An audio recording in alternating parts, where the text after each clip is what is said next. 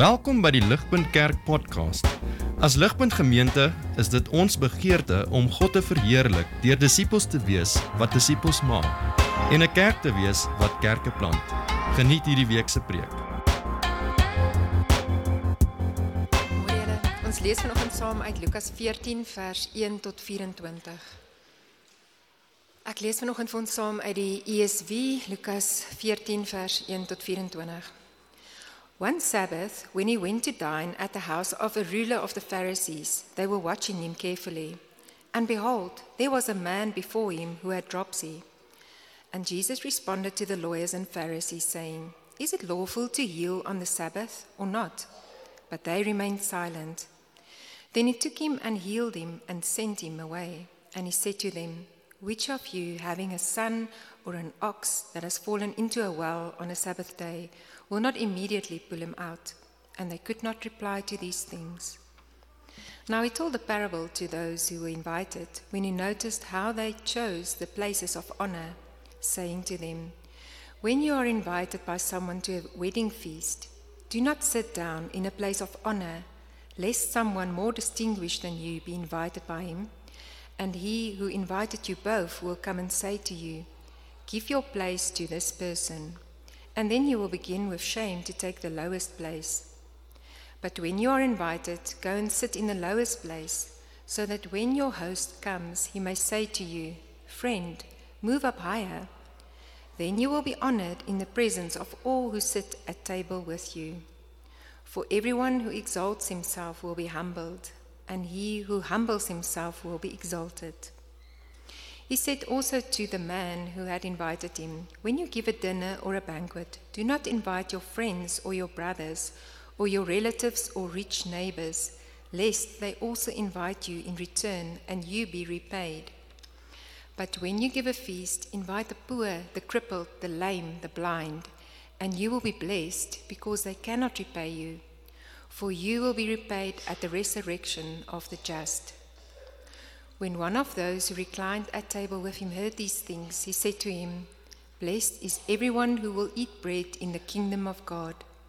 But he said to him, A man once gave a great banquet and invited many.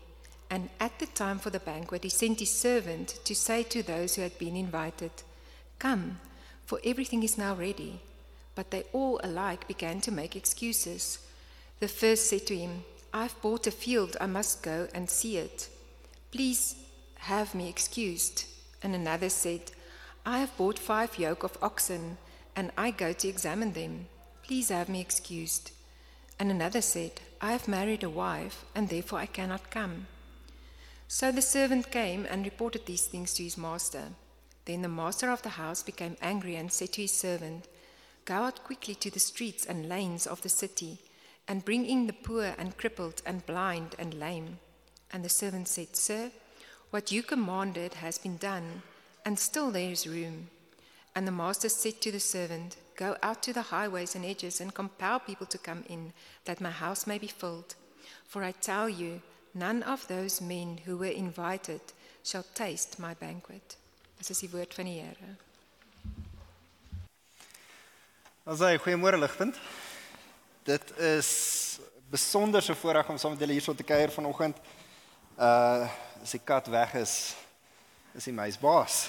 Soos Gert sê, ek is die lang verlore seun wat weer kan terugkom terug van die universiteit dalk met 'n oorbel in die oor wat kan saam kom kuier saam met julle hierso vanoggend. Dit is regtig lekker en dit is lekker om saam met almal te gesels. Veral as 'n mens terugdink oor waar ligpunt begin het en tot waar die Here dit nou gevat het. Ek onthou I uh Anay en Maya was net gebore gewees toe ek by Ligpunt begin het en nou is hulle al klaar op pad hoërskool toe. Giza was 'n jong man gewees. Ons het uh op al die Ligpunt kampe altyd die groot touch rugby wedstryde gehad van die onder 30s teen die bo 30s. Dit al wie basies in die kerk was. En ek het gedink ek gaan nooit by 30 uitkom nie en nou as ons nou touch rugby game sou moes reël, boonbehalwe dat daar baie besering sou wees sou dit seker die onder 40s en bo 50s wees. Ek weet nie waar's Gert nie, maar jy staan ook 50 wink vir jou. Also Gert. Maar nietemin is dit is dit net 'n groot plesier om saam met julle hierdie oggend te deel. Ehm um, ons gaan vanoggend na daai gedeelte kyk en julle sal sien dat daar's twee gelykenisse in die gedeelte in Lukas wat vir ons gelees is. Baie dankie vir dit Willie. Uh Elof het 'n ruk terug het hy die eerste gelykenis gepreek en ek het amper net daar vir ons gesit as konteks. Ons gaan in die tweede deel van Lukas 14 spandeer waar ons gaan kyk na daardie uh groot maaltyd wat gehou is, die gelykenis wat hierso Jesus daarso vertel het. Ek wil graag vir ons bid en dan gaan ons in hierdie gedeelte inspring. Here, ons dankie net vir die voorreg om as u mense bymekaar te kom. En ehm um, amper soos wat Gert verduidelik het, hoe wat 'n voorreg is dit nie dat selfs wanneer ons trek of uitgestuur word of met ander dinge besig is, ons is altyd nog steeds gebind met mekaar deur die Heilige Gees. En ons geniet dit vanoggend. En en ek bid regtig dat vanoggend selfs as wat ons hierdie samekoms vier van om u woord dat ons dit nie sal minag nie, dat ons nie dit sal lig opneem nie, dat ons nie die voorreg wat ons het om hierdie te kan doen ehm um, sal laat net verbygaan nie, maar eerder Here dat ons weer eens hierdie geleenthede sal gebruik om te kan sien wie U is en wie ons is in verhouding tot U. Ek bid werklik vanoggend dat deur die Gees en hierdie mooi evangelie van U dat U ons sal ruk tot op 'n plek dat ons sal sien hoe desperaat nodig ons U het. Ons bid dit in U naam. Amen. dink is eenvoudig en maklik om te sê dat ongesonde gewoontes is deel van almal se lewens. Geen om wie jy is nie, uh as jy lank genoeg in rotine is in enige vorm van jou lewe, dan gaan jy 'n gewoonte begin ontwikkel. En baie van hierdie gewoontes is nie goed vir ons nie. Dit sal baie interessant wees om te hoor wat is van die ongesonde gewoontes wat tans in jou lewe is. Dink so 'n bietjie daaraan. Wat is van daardie dinge wat jy doen wat jy weet is eintlik lekker maar jy moet dit nie eintlik te veel doen nie? Is dit die sjokolade wat jy een keer 'n dag eet na 'n maaltyd in die aand? Is dit jy wat 'n uh, stukkie biltong koop en in die kar sit voordat jy in die huis gaan met jou kinders en dit alleen in die kar opeet? Is dit ehm um, jy wat nie jouself kan help nie voordat jy slaap, moet jy die nuutste nuus lees of jy moet deur sosiale media gaan of jy moet die weer kyk vir die volgende week en dit's nie altyd goed vir jou om vinnig aan die slaap te kan raak nie. Wat is daardie gewoontes wat jy doen wat net deel geword het van jou normale lewe maar nie noodwendig die beste vir jou is nie? Is dit die feit dat jy uitoefening uitgeraak het? Is dit die feit dat jy te veel oefen dalk? Ehm um, nie dat ek dink baie van ons is in gevaar van dit nie. Is dit ehm um, plesiertjies wat jy geniet uh wat maar net jou help om deur die dag te kom? Wat ook al dit is, baie van hierdie dinge is soos klein jakkalsies. Dit is van die oog af lyk dit nie soos 'n groot probleem nie. Maar gegeewe genoeg tyd kan van hierdie dinge ons produktiwiteit en selfs ons gesondheid beïnvloed. En omdat iets so geleidelik gebeur, omdat dit so deel raak van ons daaglikse roetines, is hierdie gewoontes gewoonlik moeilik om af te skud. As jy dit vir 'n tyd eers lank aangeleer het om dan te verander, verg iets groot.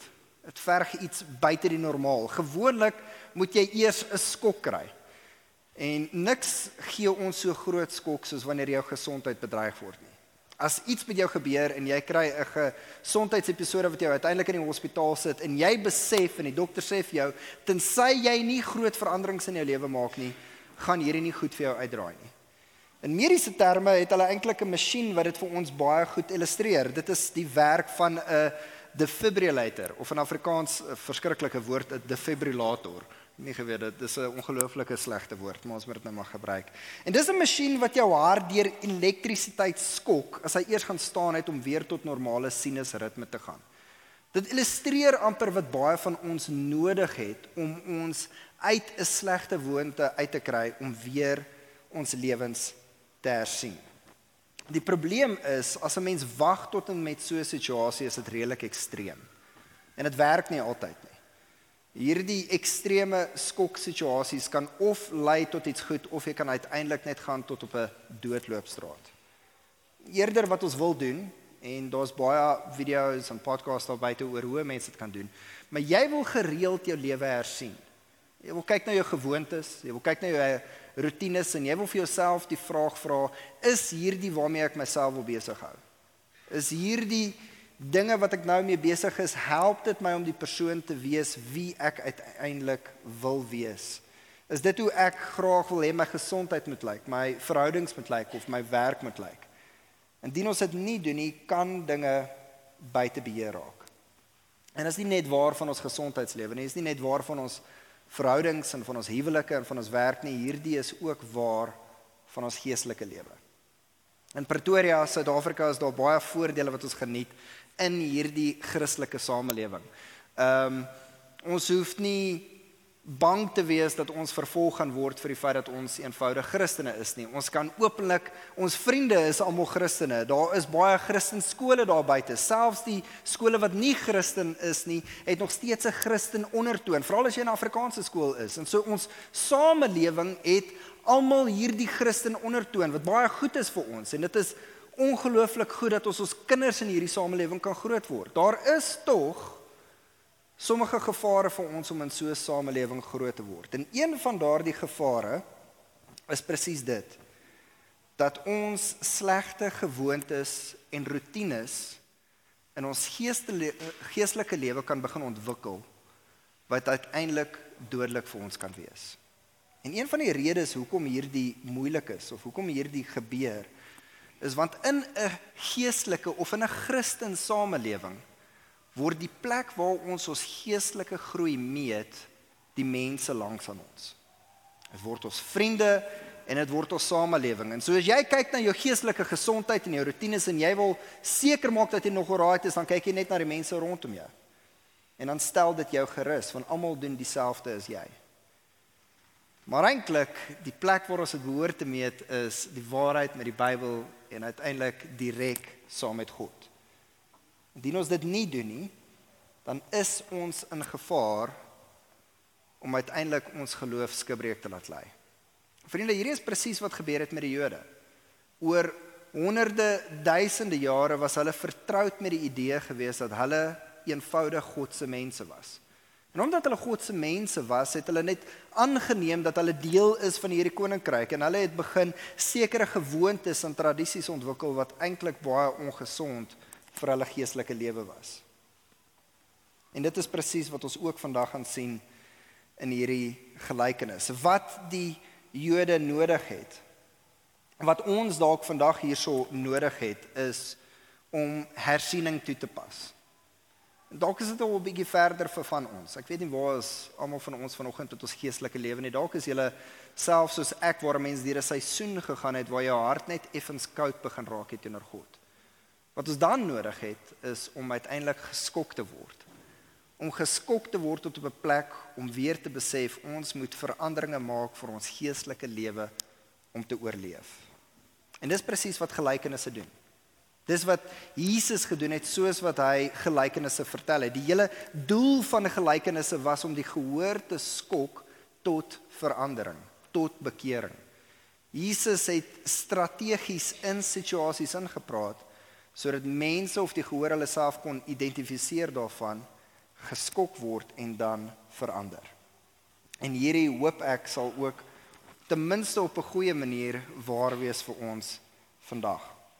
Soos wat ek gesê het, net om so 'n bietjie konteks vir ons te gee. Elof het voorheen gepreek oor die gelykenis van die bruilofsmaal en ehm um, hierdie gelykenis wat ons nou vandag gaan kyk word vertel op dieselfde geleentheid. Dit is waar Jesus op die Saterdag Dit was basies 'n Sondag soos vanoggend nadat hulle 'n bietjie 'n Sondagoggenddiens gehad het, het hulle besluit om 'n Sondagmiddagete saam met mekaar te doen. Maar hulle doen dit nie net by enige plek nie. Hulle gaan na die hoofdominee se huis toe, die leier van die Fariseërs en hulle besluit hulle gaan by hom Sondagmiddagete eet. En hierdie aangeleenthede was redelik belangrik in Joodse kultuur geweest. En soos wat hulle rondom die tafel sit, sit almal en hulle geniet hulle self en Jesus sien waarmee hulle besig is en hy begin in die situasie in te praat. Maar om te verstaan wat se trefkrag Jesus se woorde gehad het, moet jy ook so 'n bietjie Joodse eetpartytjies verstaan. Jy sien Joodse kultuur die uh eenhede waarin hulle gewerk het of die ding wat vir jou eintlik status gegee het is iets wat ons noem eer en skaamte. Hoe meer eer jy in die samelewing gehad het, hoe meer deure het dit vir jou oopgemaak. Hoe meer skaamte jou familie gehad het, hoe minder geleenthede het jy gehad, beide sosiaal, finansiëel, besigheid, op alle vlakke. En so wat ook al die mense gedoen het is hulle wou seker maak dat hulle plekke van eer vir hulle gekry het. En hierdie het gewoonlik op twee maniere gebeur. Uh, jy het eer gekry deur finansiëel welaf te wees en jy het eer gekry deur die gewone godsdienstige speletjies wat hulle gedoen het daardie tyd ook goed te doen om rein te wees. En so wat die mense gedoen het is daardie tyd is hulle het probeer die heeltyd hulle sosiale status beter te gemaak het. En een manier wat hulle doen is 'n proses van my groot woord vir die oggend resiprositeit. Basies die ou RSG program iets vir iets. En so jy is net goed aan mense wat vir jou terug goed kan wees. Jy sal mense nooi na 'n partytjie toe wat jou weer op hulle beurt sal kan nooi na hulle partytjie toe. En so jy moet seker wees dat die mense wie jy nooi en die mense son vir jou uithang van 'n bepaalde sosiale klas is. Hulle moet hoog wees op die hele sosiale leer want hulle behoort dan dieselfde gunste wat jy aan hulle bewys het, moet hulle weer terug aan jou kan bewys. En dis wat by hierdie partytjie gebeur. Jy sien net die social elites by hierdie partytjie. Dit is die beste mense, dis die hoofdominees, die skoolhoof was 10 10 ook daarso gewees en hulle almal is hierso rondom besig en waar ook al jy gesit het op hierdie tafel het ook bepaal hoe belangrik jy was en so. Hulle het nog musical chairs ook gespeel rondom die tafel en Jesus sien hierdie hele speletjie afspeel en hy praat in die situasie en hy vertel eers in sy gelykenis en dan op die einde van die gelykenis sê hy hierdie is nie wat jy behoort te doen nie Eintlik wat julle moet doen is, julle moet die blindes nooi, julle moet die armes nooi, julle moet die krepeles nooi. Julle moet daardie mense nooi in die sosiale samelewing daar buite wat nie goed kan terugwees aan julle nie. Wat nie resiprositeit sal kan toepas nie, wat nie iets vir iets kan gee nie, dan sal julle geseënd wees. En julle beloning sal julle eendag ontvang met die opstanding van die regverdiges. Nou hier is nie juis eintlik wat jy moet sê by 'n uh, ete partytjies soos hier nie. Dit is 'n redelike mood killer van Jesus toe hy dit gesê het. Ja, ek ek is seker die kamer het bietjie stil geword. Mense het ongemaklik begin rondskuif waar hulle nou moet sit. En een van die mans wat by die tafel gesit het, ek dink nie hy het geweet wat om te sê nie of hy het een glas te veel wyn gehad, maar hy hy om die stilte net te breek sê hy die volgende vir almal daarso, maar geseënd is die wat eendag brood gaan eet in die nuwe koninkryk. Dis 'n vreemde ding vir hom te sê in hierdie awkward silence wat daar so in die gang is. En die rede hoekom hy dit sê of eintlik wat hy sê is ja, dit is werklik geseënd wees Jesus wat jy nou gesê het as ons dit sal doen en goed sal wees oor die armes, maar gelukkig geseënd is die wat uiteindelik net deel is van die koninkryk van God. Want hier om wat op hierdie aarde gaan gebeur nie, hulle sal eendag met die opstanding van die dooies In die nuwe Jerusalem sal hulle die feesmaal saam met Jesus of saam met God geniet. En hier is 'n baie interessante ding wat die man aanneem soos wat hy dit sê. Wat daai man bedoel soos wat hy dit gesê het, is dat hy en die hele gespuis rondom die tafel, die social ehm um, godsdienstige elites, hulle gaan outomaties deel wees van daai nuwe feesmaal in die nuwe koninkryk. En so hy het totaal en al gemis wat Jesus gesê het. Hy wou so half net aanklank gevind het. En die rede hoekom hy dit gesê het is weer eens tweeledig. 1. Hy het aangeneem omdat hy 'n Jood is en dit die Joodse gepepel daarso binne die kamer is dat hulle noodgedwonge deel van die nuwe hemel en die nuwe aarde gaan wees want die Jode is deel van die uitverkore volk van God. God het hulle geroep van Abraham. Hy het vir hulle die wette gegee deur Moses. Hy het selfs deur die koning Dawid het hy beloof dat daar 'n koninkryk of 'n koning altyd van Dawid se nageslag sal wees wat op die troon sal sit. En hulle tog is die nageslag van Abraham. En so noodgedwonge deur hierdie proses omdat hulle Jode is, God het hulle geroep, hulle sal deel wees van die koninkryk van God. En nie net dit nie, hulle is nie net enige Jode nie, hulle is ook Jode aan die bokant van die godsdienstige leer. Hulle is die ouens wat die speletjie reg speel. Hulle is finansiëel wel af. Hulle is godsdienstig rein. Hulle is op 'n plek waar hulle aansien het in die sosiale samelewing. So natuurlik moet hulle die wees wat dit ook reg doen. Nie net is God tevrede met hulle nie, maar die mense moet ook tevrede wees met hulle. En so geseënd is hulle wat saam met God brood gaan eet in die nuwe koninkryk. In reaksie tot dit vertel Jesus die volgende gedeelte wat ons gedeelte is van vers 16 af. Jesus sê daar was 'n man wat 'n groot maaltyd gereël het. En soos wat ons nou gesien het, hierdie maaltye was redelik belangrik geweest in Joodse kultuur. En wat die man doen ter voorbereiding is hy stuur uitnodiging vir klomp belangrike mense uit en sê ek is besig om hierdie maaltyd voor te berei. Wanneer die tyd reg is, wil ek graag hê julle moet saam met my kom vergesel en hierdie maaltyd saam met my kom geniet. En julle moet julleself regkry. Kies jou beste Sondagklere uit, maak ook klaar seker dat die rok pas. Ons gaan partytjie hou. Maar toe die tyd gekom het, stuur hy sy knegte om hierdie mense te nooi en sê die maaltyd is uiteindelik reg. Kom en geniet dit saam met my. Sorg dat jy hierso kom. Maar dit is presies hier waar die storie 'n bietjie 'n wending vat. Ons sien dat die eerste een sê dat hy het 'n werksverskoning. Hy het 'n uh, lande gekoop wat hy nog nie gesien het nie wat hy moet gaan inspekteer. Die o tweede een het meer 'n verskoning met sy besittings. Hy sê hy het nuwe osse gekoop, hy moet hulle gaan inspekteer. Hy kan ongelukkig nie kom nie. En die derde een sê nee, hy is nie getroud en hy kan ook nie kom nie. Verstaan jy hoekom dit 'n verskoning is nie, maar hy kan ook nie na die maaltyd kom nie. Soos wat die meester hierdie gehoor het, die persoon wat die maaltyd voorberei het, het hy ongelooflik en briesend kwaad geword.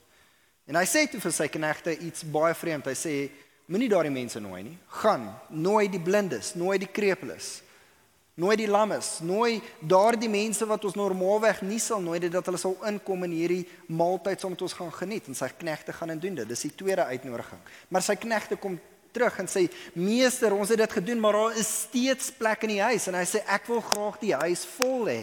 Gaan nog verder gaan na die hoofpaaie gaan na die bypaaie toe gaan daarso waar die mense normaalweg nie is nie buite die stad nooi nog mense. Ek wil graag hê my huis moet vol wees dat ons hierdie feesmaal kan geniet. Maar voorwaar sê ek vir julle daardie groep wat die eerste uitgenooi het sal nie hulle mond aan my feesmaal sit nie is 'n interessante gelykenis wat Jesus vertel by hierdie ehm um, feesmaal wat hy selfs by is.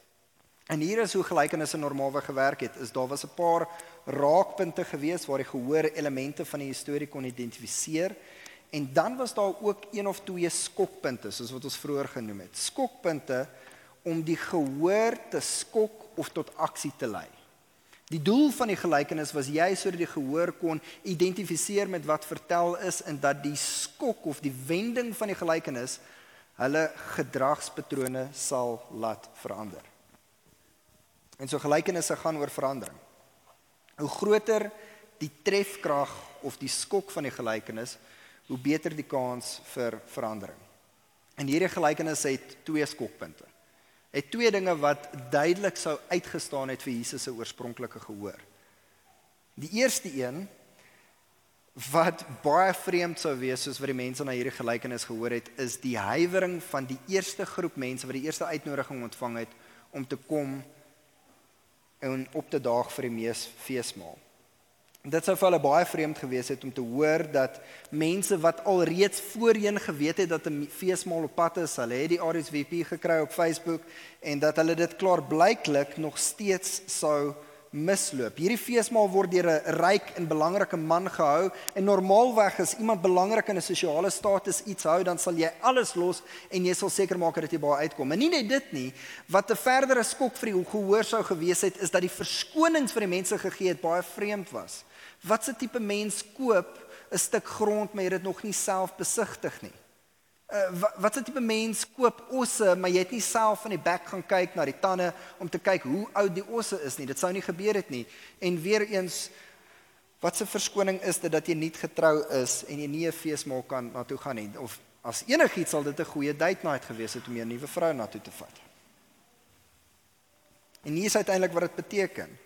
En wat duidelik vir ons is vandag, Jesus vertel hierdie gelykenis tot oordeel van die Jode.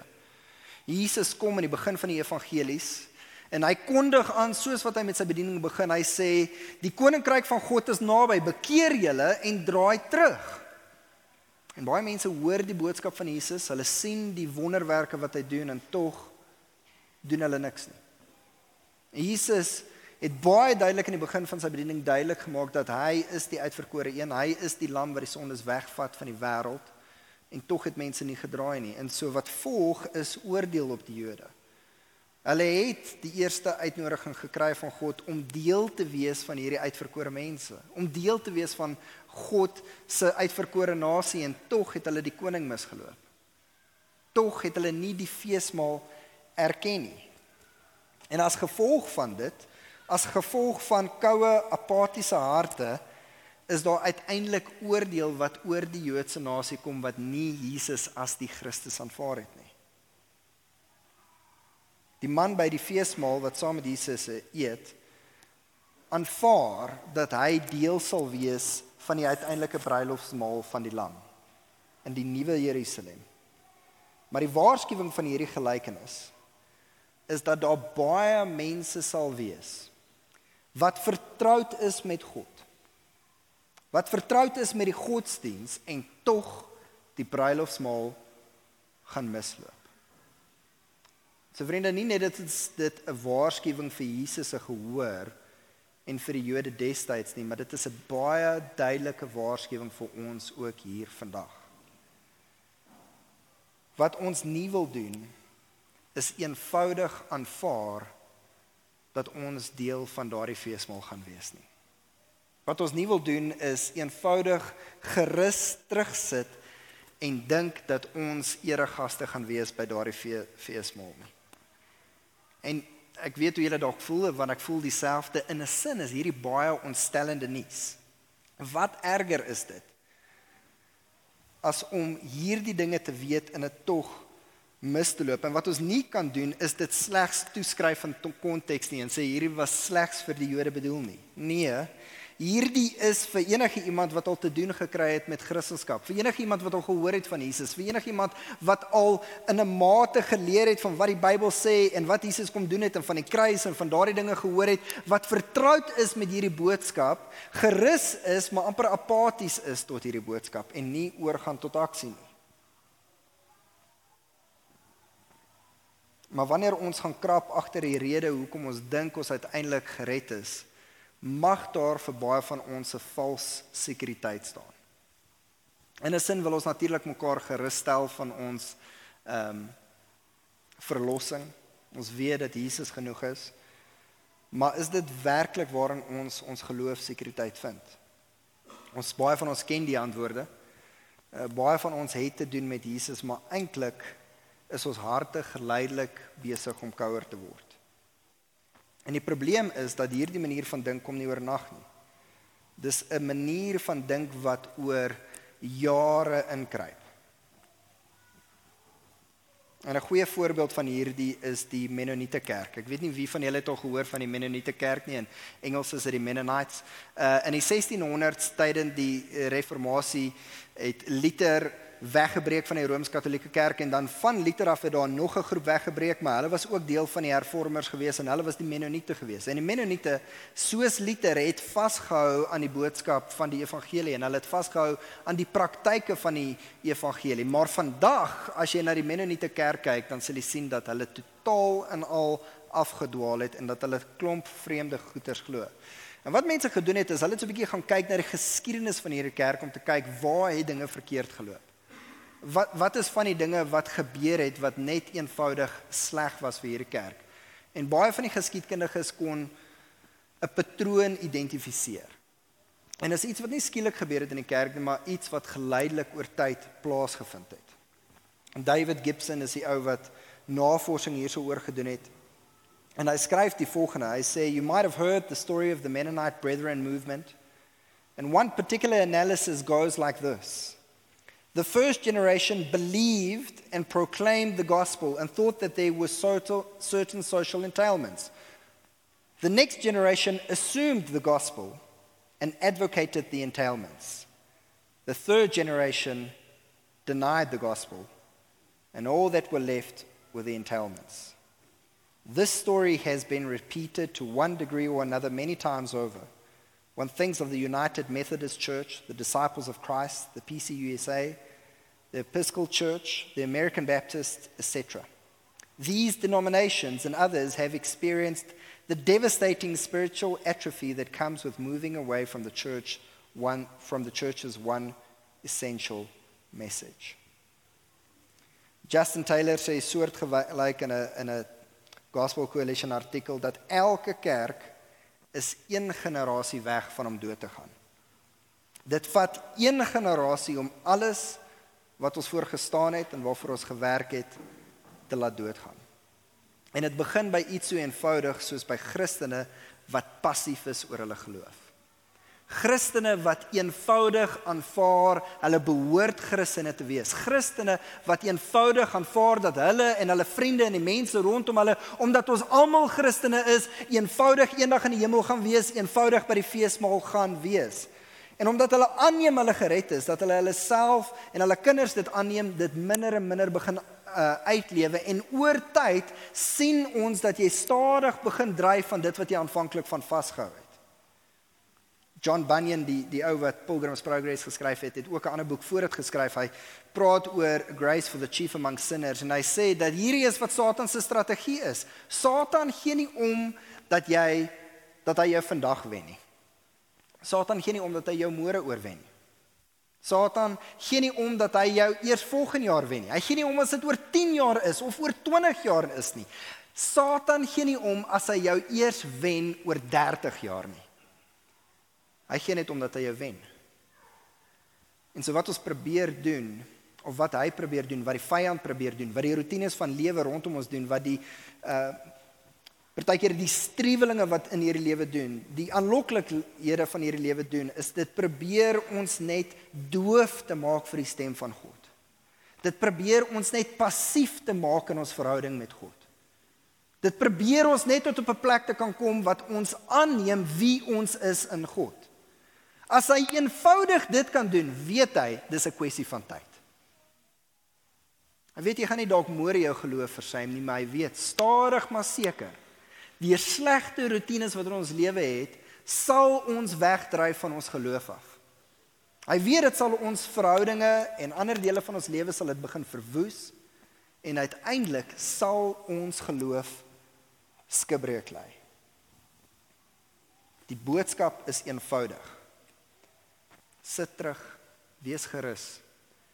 Jy's 'n goeie mens en jou geloof is op 'n goeie plek. Moet niks doen nie.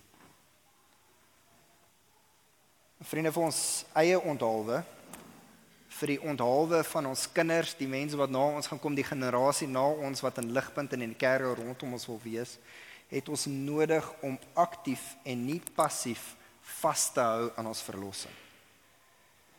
En hoe ons dit doen word vir ons uitgewys in die tweede deel van hierdie gelykenis. En dis die tweede skok wat Jesus vertel vir die mense wat daar rondom hom sit. Die tweede skok van die gelykenis is wie die gasheer toegenooi het toe die eerste uitgenooides nie opgedaag het nie. Dit was nie ander belangrike mense nie, dit was die ongenooides, die onbelangrikes, die randfigure, die mense in ons gemeenskap wat desperaat is. En desperaatheid was nog nooit 'n mooi kwaliteit vir statige mense om te handhaaf nie. Hierdie is die mense wat nooit die meester sal kon terugbetaal vir sy goedheid nie. Hierdie was die mense wat nooit resiprositeit sou kon toepas nie. Sou vir hulle om genooi te wees na die mees feesmaal moes iets besonders vir hulle gewees het. Watse tipe meester stel sy eer in gevaar deur sulke mense te nooi? En watse tipe mense as hulle so desperaat is vir aanvaarding en vir sekuriteit in hulle samelewing sal ooit so 'n uitnodiging misloop? En die antwoord is niemand nie. Almal het gekom en tog kyk na die hart van die Vader. Dis fantasties. Hy sê dis nog steeds nie genoeg nie. My huis is nog nie vol nie. Gaan verder, gaan na die hoofpaaie, gaan na die bypaaie, die ompaaie. Wat hy daarmee bedoel is, gaan na die mense wat nie net randfigure van die gemeenskap is nie, gaan na die mense wat buite ons gemeenskap is. Die mense wat ons nie eers sal sien as die wat deel van ons mense is nie. Dit is dalk selfs mense wat ehm um, buite die normale manier van dink is. Dit mag dalk skelms wees, dit mag dalk moordenaars wees, dit mag definitief mense wees wat nie as rein gesien word nie. Jesus het gesê of die meester het gesê nooi hulle. Bring hulle en maak my huis vol. Hierdie moes die mense geskok het. Nooi die mense wat nie waardig is om eers genooi te word nie. En hier is wat dit beteken. Jesus het die tyd en die oordeel loop verby vir die wat aanvanklik die evangelie gehoor het. En hierdie gaan verder uitgaan na die mense wat ons dalk in die begin gedink het nie waardig is vir hierdie evangelie nie.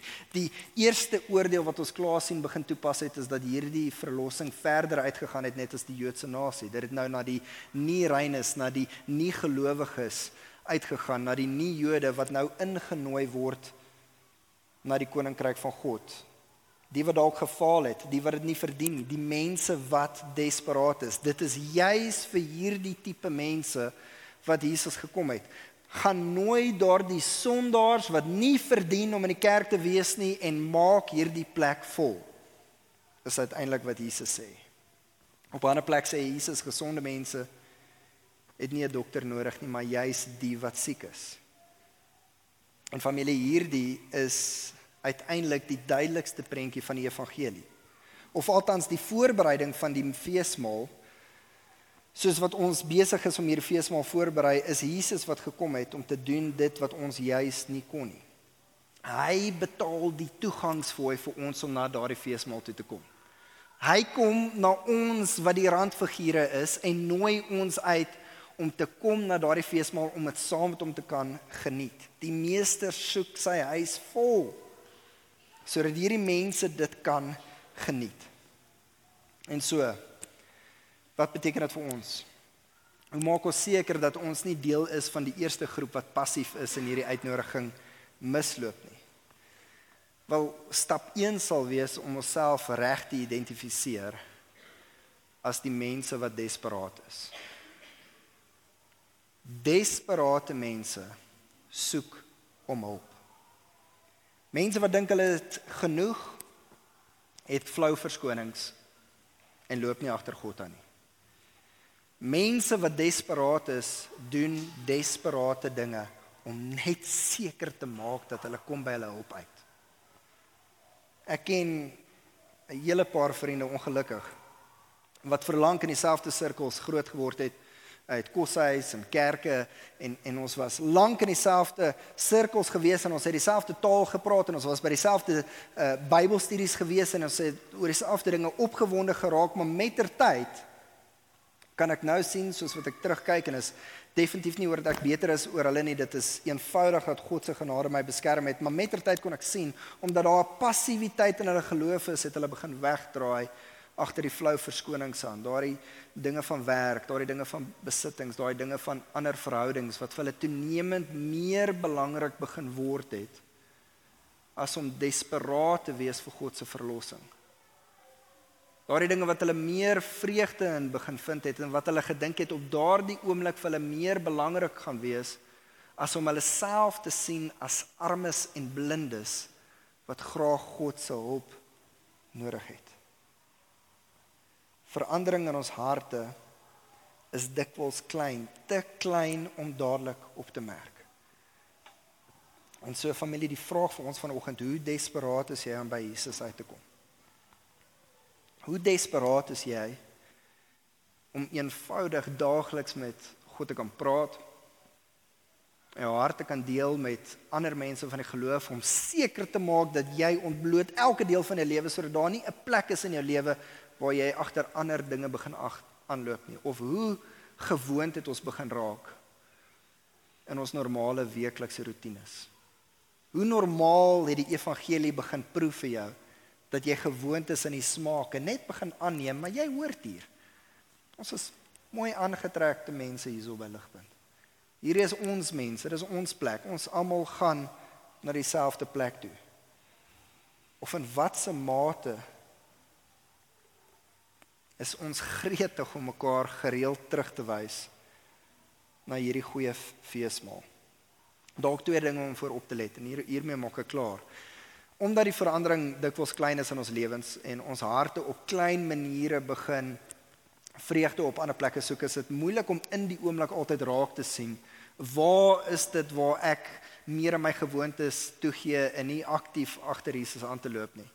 Ehm um, die eerste simptoom om dalk raak te sien is onvergenoegdheid. Onvergenoegdheid dat dinge gaan net nie soos wat dit behoort te gaan met jou nie. Uh, hoekom het jy nog nie die werk wat jy het nie? Hoekom is jy nog nie in die verhouding wat jy wil wees nie? Hoekom gaan dinge nie net nog beter vir jou nie? Hoekom kyk God nie beter na jou nie? Kyk al hierdie dinge wat jy vir God doen.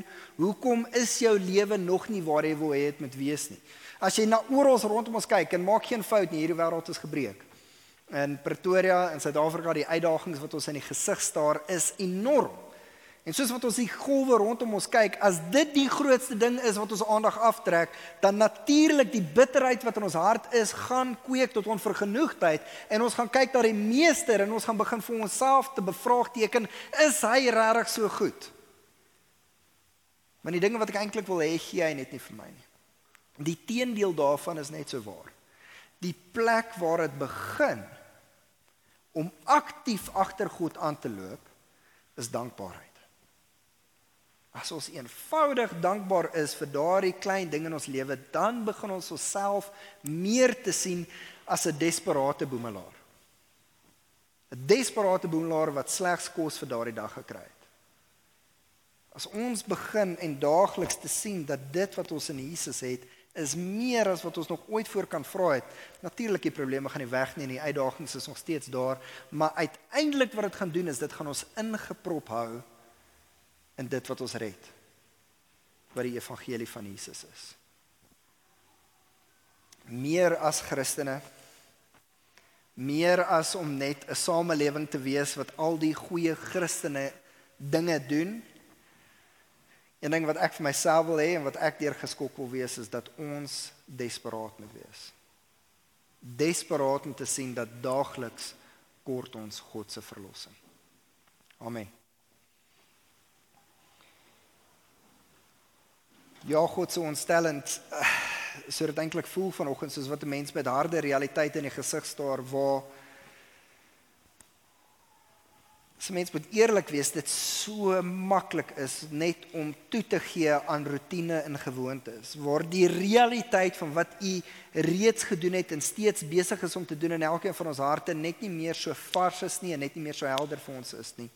En wat ons begin ingee vir aannames en passiwiteit dat dit is hoe dinge behoort uit te werk en ons behoort gered te word en ek behoort na gekyk te word en my lewe moet 'n bepaalde standaard wees en ons begin hierdie partytjie te maak rondom ons eer en wat ons moet toekom en ons haal die oë af uiteindelik van u die gasheer van u die koning.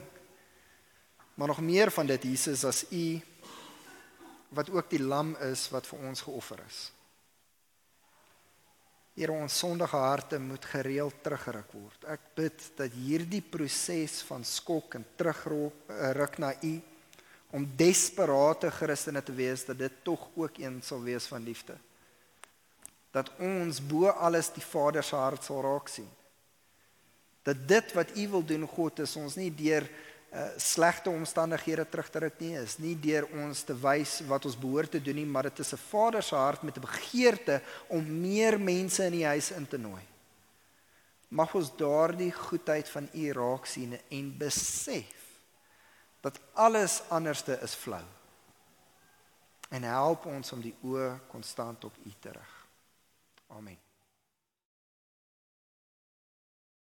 Vir meer inligting oor Ligpunt Kerk, besoek gerus ons webwerf op www.ligpunt.com of kontak ons gerus by info@ligpunt.com